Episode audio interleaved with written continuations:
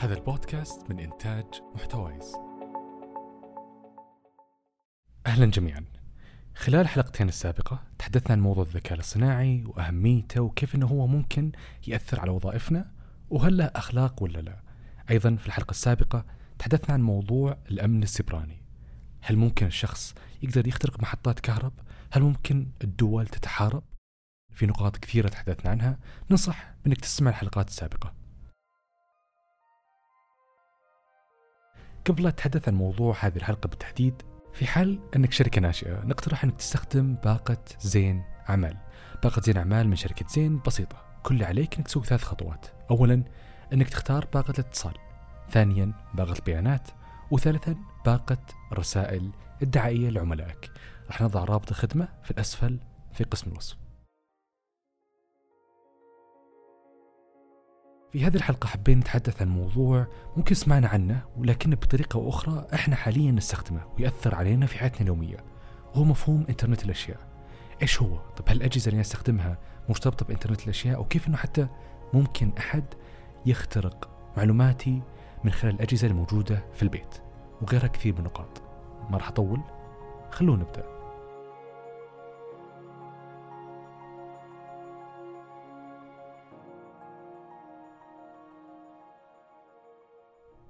كلنا ممكن شفنا شخص أو أنت نفسك لما يتصل عليك أحد بدل ما تناظر الجوال تناظر بساعتك الذكية اللي لابسها. ليش؟ عشان ممكن تعطيه مشغول ترسل له رسالة أنه ترى بكلمك بعد شوي.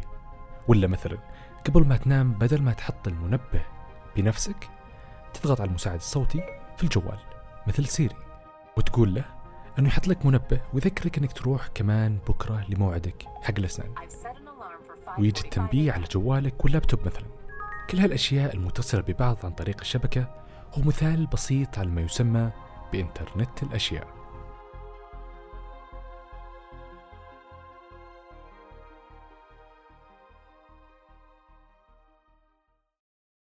حتى نتحدث عن موضوع إنترنت الأشياء بشكل عميق قابلنا متخصصين في هذا المجال. وبدايه معنا الدكتورة حصر قوي تفضل دكتورة. السلام عليكم. معكم دكتورة حسن القويعي. تخرجت من جامعة الملك عبد الله للعلوم والتقنية. تخصص آه، دكتوراه في الاتصالات اللاسلكية. آه، معكم حاتم المحمادي باحث دكتوراه في جامعة ليس في بريطانيا في تخصص هندسة الشبكات. وحاصل على ماجستير هندسة شبكات أيضا من جامعة ليدز. عضو هيئة تدريس في جامعة طيبة. وأعمل مع أخواني في IoT KSA مجموعة إنترنت الأشياء.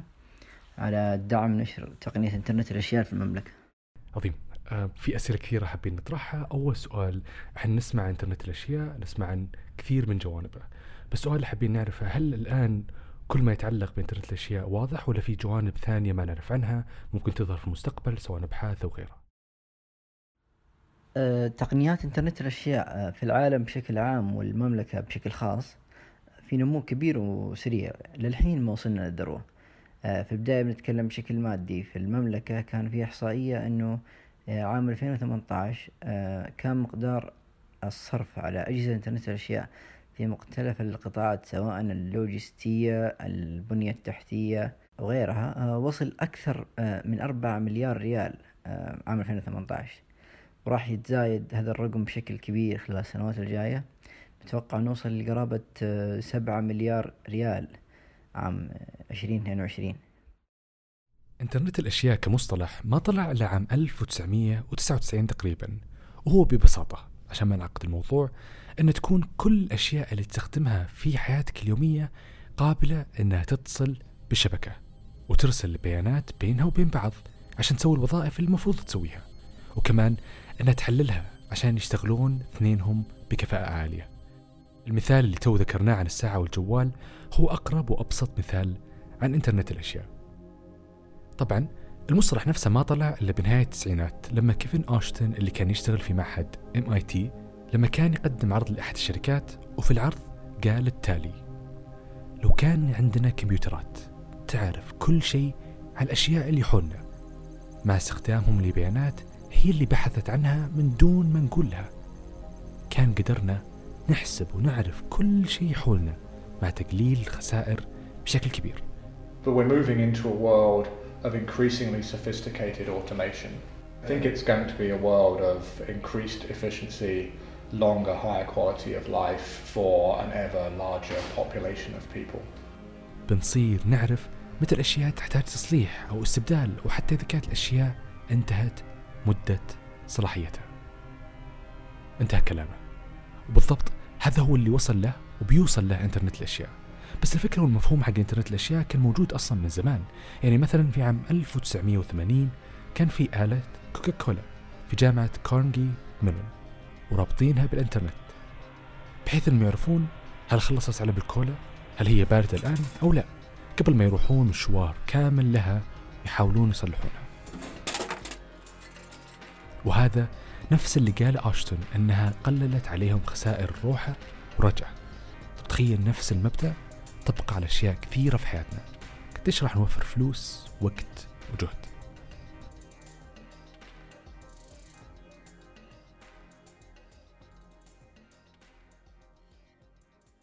طبعا آه، إنترنت الأشياء هو موضوع دارج الآن في الأخبار ووسائل الإعلام وكذلك في الاقتصاد وحيكون مؤثر آه، كبير.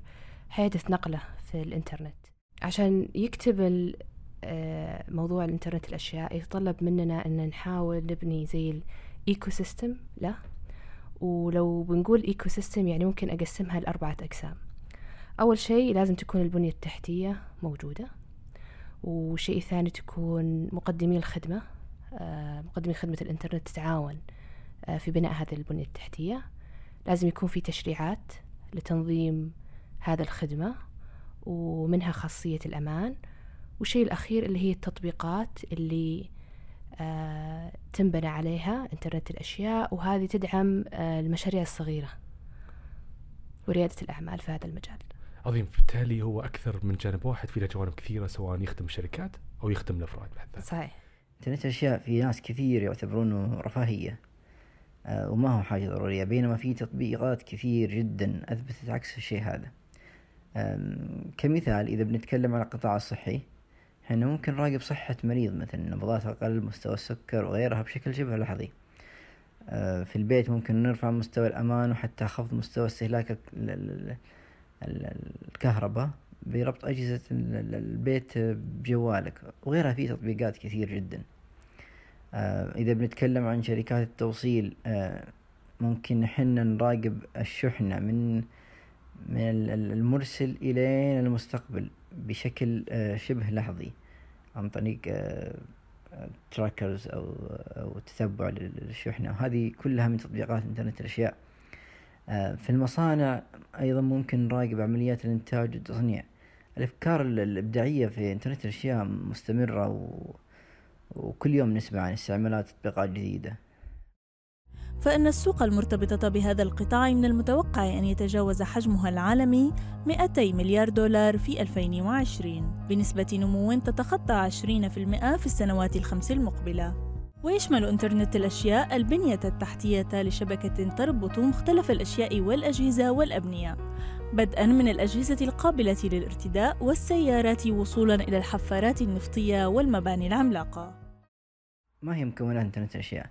في عدة طبقات آه، تكون مصطلح إنترنت الأشياء. بداية من الأشياء نفسها مثل الحساسات الكاميرات وحتى التلفزيون متصل بالإنترنت. هذه من ضمن الأشياء. مرورا بطبقة الاتصال أو ال connectivity مثل ال- الواي فاي والفور جي والفايف جي وفي ال بي 1 وال Zigbee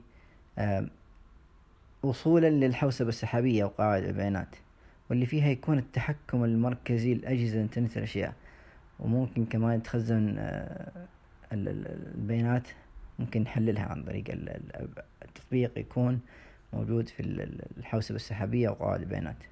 كل طبقة من هذه الطبقات التطور فيها سريع ومستمر. فإذا تكلمنا عن أول طبقة اللي هي طبقة الأشياء ممكن حصل تطور في صناعة الأشياء نفسها. من حساسات وغيرها.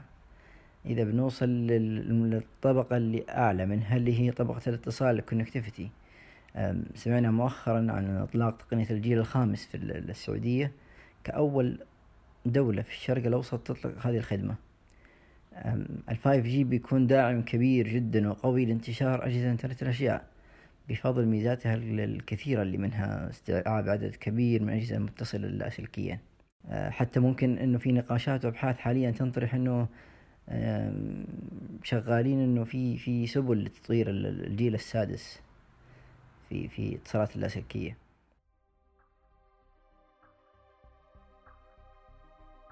طبعا إنترنت الأشياء الهدف منه إنه يشمل كل شيء حرفيا كل شيء.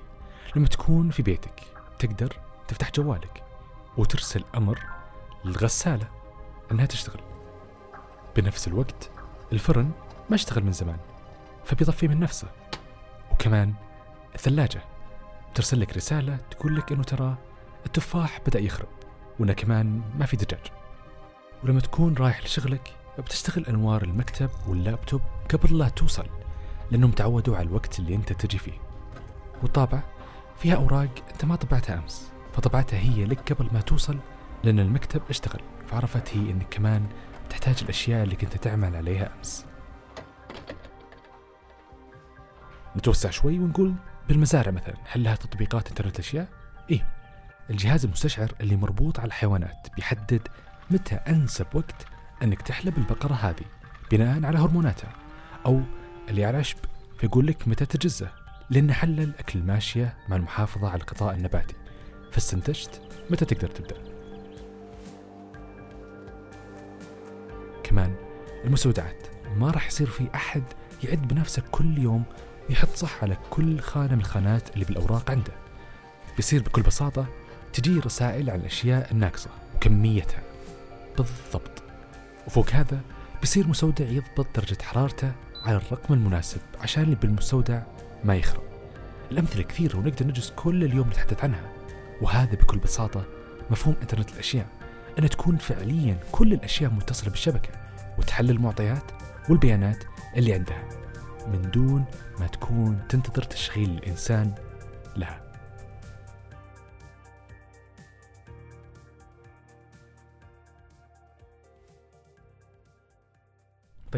أعتقد موضوع إنترنت الأشياء لما يذكر دائما المصطلح الآخر اللي يذكر معه الذكاء الاصطناعي ممكن. صحيح. آه الذكاء الاصطناعي الأمن السيبراني موضوع إنترنت الأشياء الروبوتات بشكل متشابه بس بشكل عام الإنترنت الأشياء والذكاء الاصطناعي. هل هم متداخلين هل لهم علاقة مع بعض؟ هل في رابط ولا لا؟ هم منفصلين بعض؟ وهل يشتركون في مجال معين؟ خلينا نعرف أكثر إيش الروابط بينهم. طيب. آه هم مرتبطين ببعض. بمعنى إنترنت الأشياء إيش معناها؟ معناها أن أنت آه وصلت الإنترنت أو خدمة آه ال connectivity زي ما نقول لأشياء آه ما كانت تتصل سابقا. لغرض اللي هو جمع بيانات مثلا. أنت لما تجمع مثلا آه توفر الإنترنت لعدد من الأشياء عدد كبير من الأشياء وتجمع هذه ال data تجمعها في نقطة واحدة.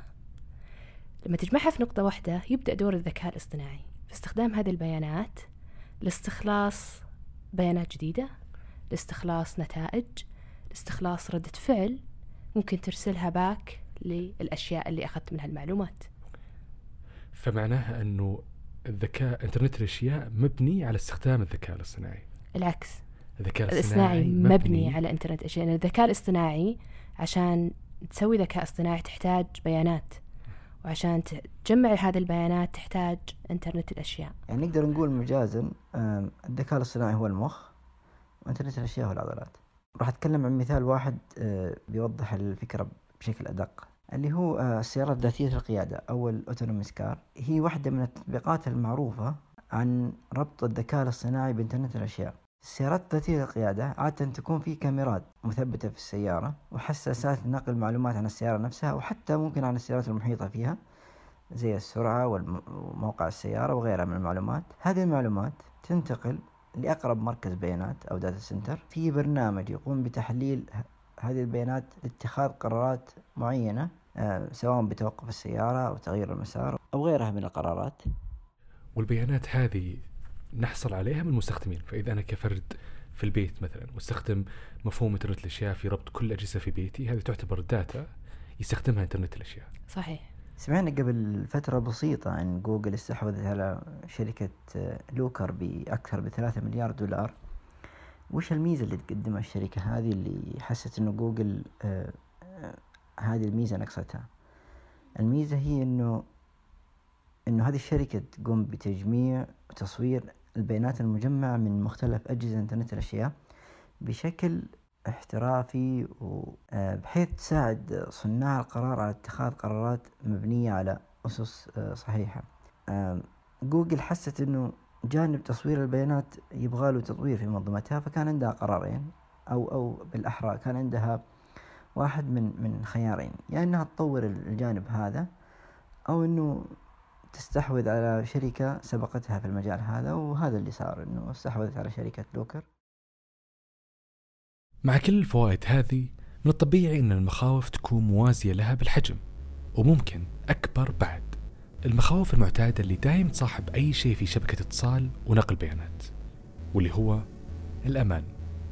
مخاوف الاختراق وتسريب البيانات ما راح تأثر على الصعيد الشخصي بس. إحنا قاعدين نتكلم عن مئات ملايين الأجهزة اللي بتكون متصلة ببعض وكثير منهم شركات وحكومات. والأجهزة هذه مليانة معلومات حرجة وحساسة بتسبب مشاكل جدا كثيرة لو طاحت بيد الناس الغلط يعني تخيل إن في أحد يقدر يطفي لمبات بيتك ويتلاعب في فتح البيبان لما يخترق الميكروويف حقك أو أن أحد يقدر يوصل لملفات عملك لما يخترق مكيف المكتب.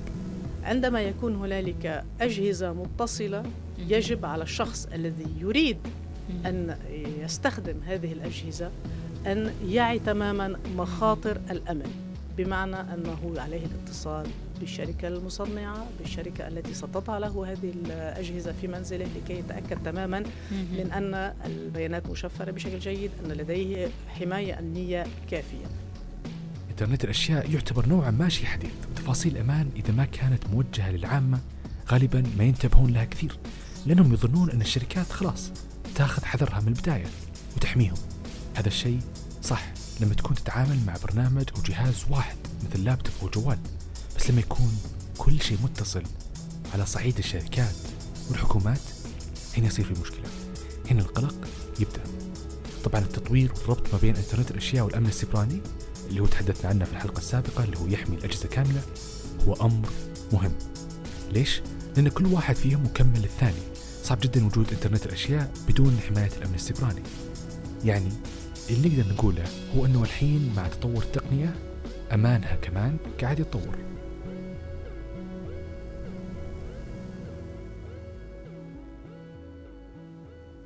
طبعا هو فيها يعني كل تقنية أنا أقول حديثة ترتبط فيها زي ما نقول لك آه، موضوع الخصوصية. آه، في بعض الناس مؤيدين في بعض الناس معارضين لكن الحماية وإنترنت الأشياء شيء مرتبطين في بعض. لأن إحنا نبي ندخل أو نبي نجمع معلومات من أشياء في أماكن متفرقة في أماكن عدة في أماكن لا يمكن حصرها يمكن عدد كبير وكمان ممكن ترتبط فيها بيانات أشخاص سرية. فلازم الحماية تكون إطار آه، يعني يحمي هذه المعلومات. طب مين المسؤول عن حماية هذه المعلومات؟ إذا أنا كشخص راح أستخدم مفهوم إنترنت الأشياء في ربط كل شيء من حولي بحياتي الشخصية. هل الشركات اللي تقدم منتجات إنترنت الأشياء مطالبة أنها تتأكد أنه معلوماتي ما تنشر؟ هل الحكومات مطالبة؟ مين اللي راح يضمن لي أنه خصوصيتي موجودة؟ طبعا هنا الشيئين اللي هو زي ما قلت لك التشريعات اللي اللي تتحكم في إطلاق هذه الخاصية ومقدمي الخدمة الخدمة اللي هم هم مسؤولين عن حماية هذا الشيء. آه كيف تأتي الحماية؟ الآن تخيل أن عندك آه مدخل اللي هو من البيانات، بعدين عندك آه زي ما يقول لك سوفت وير آه، تدير هذه البيانات وعندك في الأخير اللي هو المخرج من هذه البيانات. فاللي اللي تدير أو السوفت وير اللي يدير هذه الأجهزة أو هذه ملتقطي البيانات تحتاج تضمن الحماية. إن المعلومات ما تتسرب آه، إن المعلومات تكون مستخدمة لأغراض معلن عنها ولا تستخدم لأغراض أخرى. اهتمام كثير من الشركات المصنعة متركز بشكل كبير على تطوير تقنية الإنترنت الأشياء بحد ذاتها. التركيز على أمانها وحمايتها ما حصل اهتمام كافي. آه على العموم آه ما في شيء اسمه أمان كامل في أي شيء مرتبط بالإنترنت. إذا بنتكلم بشكل أعمق شوي آه عشان نغطي ال security أو الأمان انترنت الأشياء نحتاج نغطي جميع آه الطبقات اللي تكلمنا عنها في بداية اللقاء. مثلا إذا تكلمنا على مستوى الأشياء نفسها راح يكون عندنا ال hardware security إذا بنوصل لل connectivity راح يكون عندنا ال cyber security أو أو ال network security واذا وصلنا على مستوى الحوسبة السحابية راح أكيد نهتم بأمانة التطبيقات وصحة المعلومات المخزنة فيها وإنه ما يكون أي أحد آه، يكون له access عليها غير المصرح فيه. والحاجة إلى الأمان في انترنت الأشياء يزداد مع زيادة الاستخدام آه، وزيادة الارتباط مع الفضاء السبراني أو الإنترنت. إذا بتكلم عن آخر التقنيات المستخدمة في آه، الحفاظ على موثوقية وأمان إنترنت الأشياء آه، بنتكلم أكيد عن البلوك تشين. ميزة البلوك تشين إنه الجهاز أو المعلومة اللي, اللي, اللي موجودة في الجهاز هذا ما هو شخص واحد اللي يأكد لك أو أو يعطيك أثنتيكيت عليها. إنما مجموعة من الأشخاص ممكن عشرة عشرين شخص يكون مجموعة. تأكد لك أو أو أو تثبت لك صحة المعلومة هذه بشكل uncentralized بشكل آه، آه، موزع حول شبكة الإنترنت.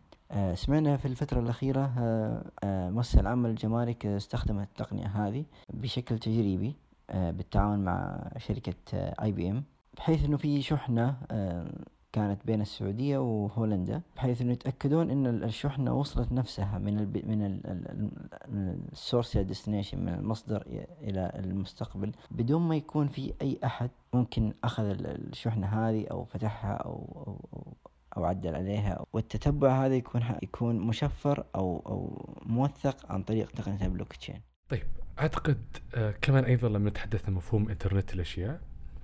نقطة مهمة عنها وهي موضوع الوظائف.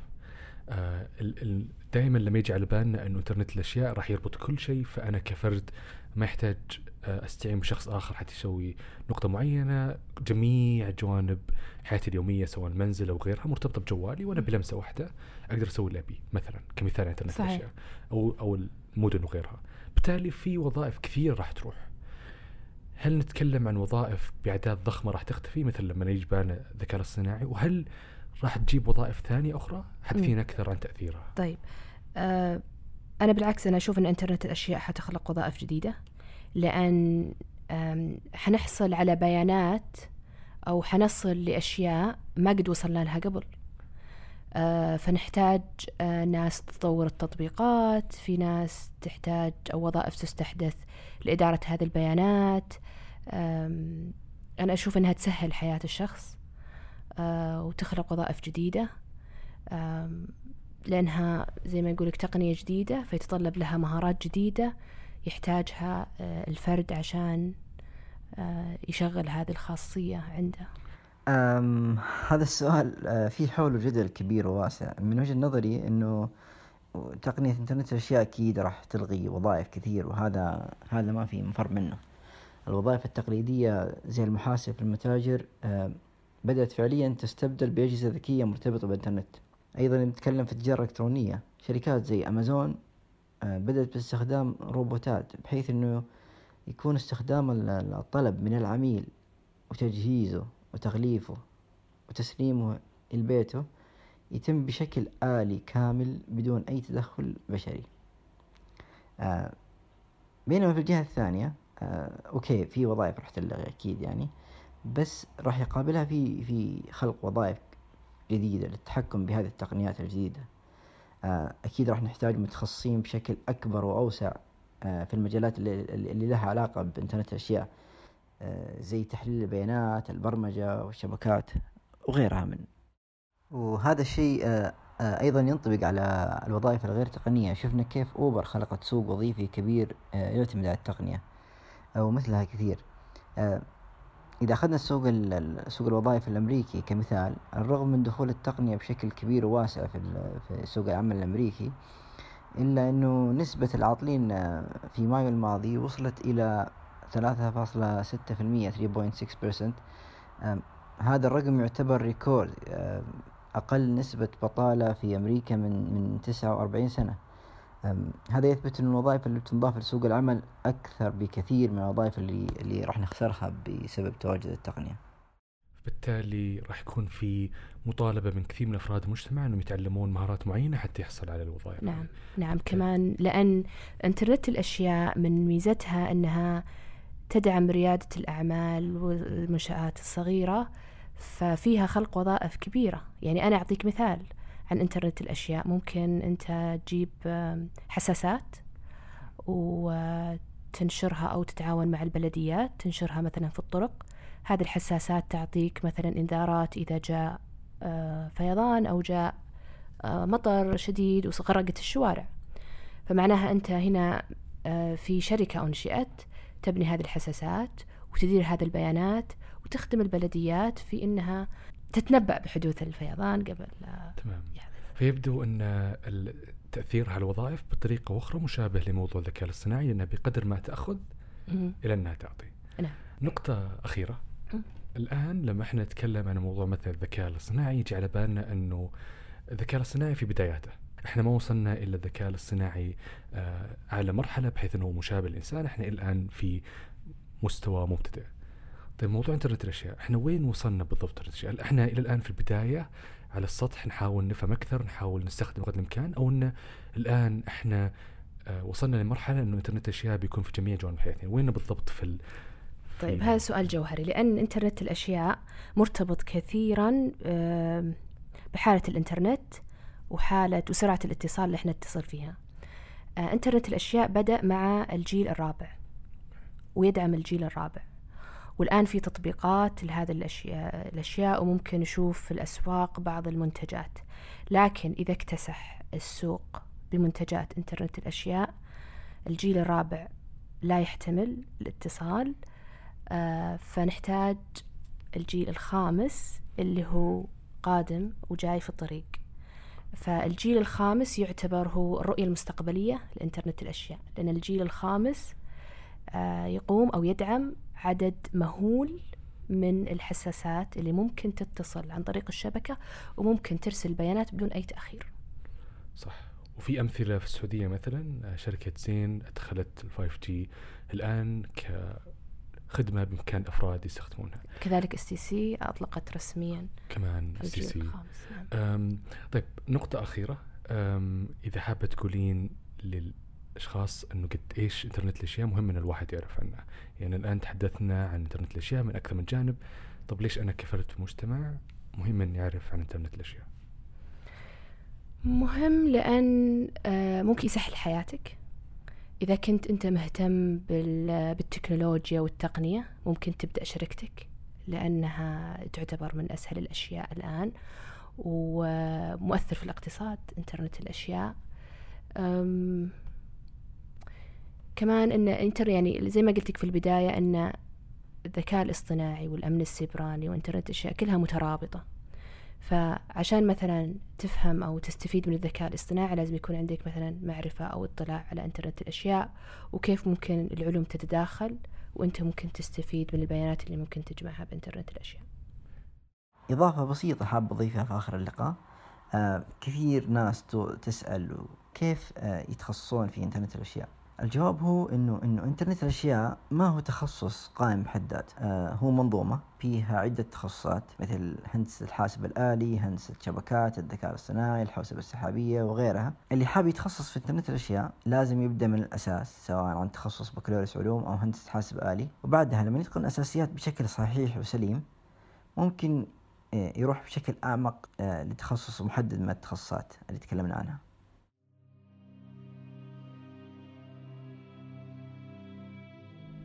في النهاية إنترنت الأشياء زي ما سمعنا سهل لنا أمور كثيرة بحياتنا وله مستقبل واعد في تطوير رفاهية وإنتاجية الناس. بداية من تسهيل مهامك اليومية اللي في شغلك وربط الشركات والحكومات مع بعض وكمان الصناعات المختلفة والزراعة والصحة وغيرها. نشوف أن الاحتياج قاعد يزيد لها. المصطلح صح نوعا ما أنه جديد بس مفهومه وتطبيقه كان موجود أصلا من زمان وكان دايم هدف يبون الناس يوصلون له من بداية اكتشاف الإنترنت. مشكلة الأمان هي المشكلة الأزلية لما نتكلم عن الشبكات وقاعدة تسبب مخاوف كثير وشغل أكثر مع تطور تقنية إنترنت الأشياء لكن بعيدا هذا كله والآن اسأل نفسك هل في أجهزة الآن حولك تستخدم مفهوم إنترنت الأشياء؟ وهل أنت متأكد أن إلى الآن ما حد اخترقها؟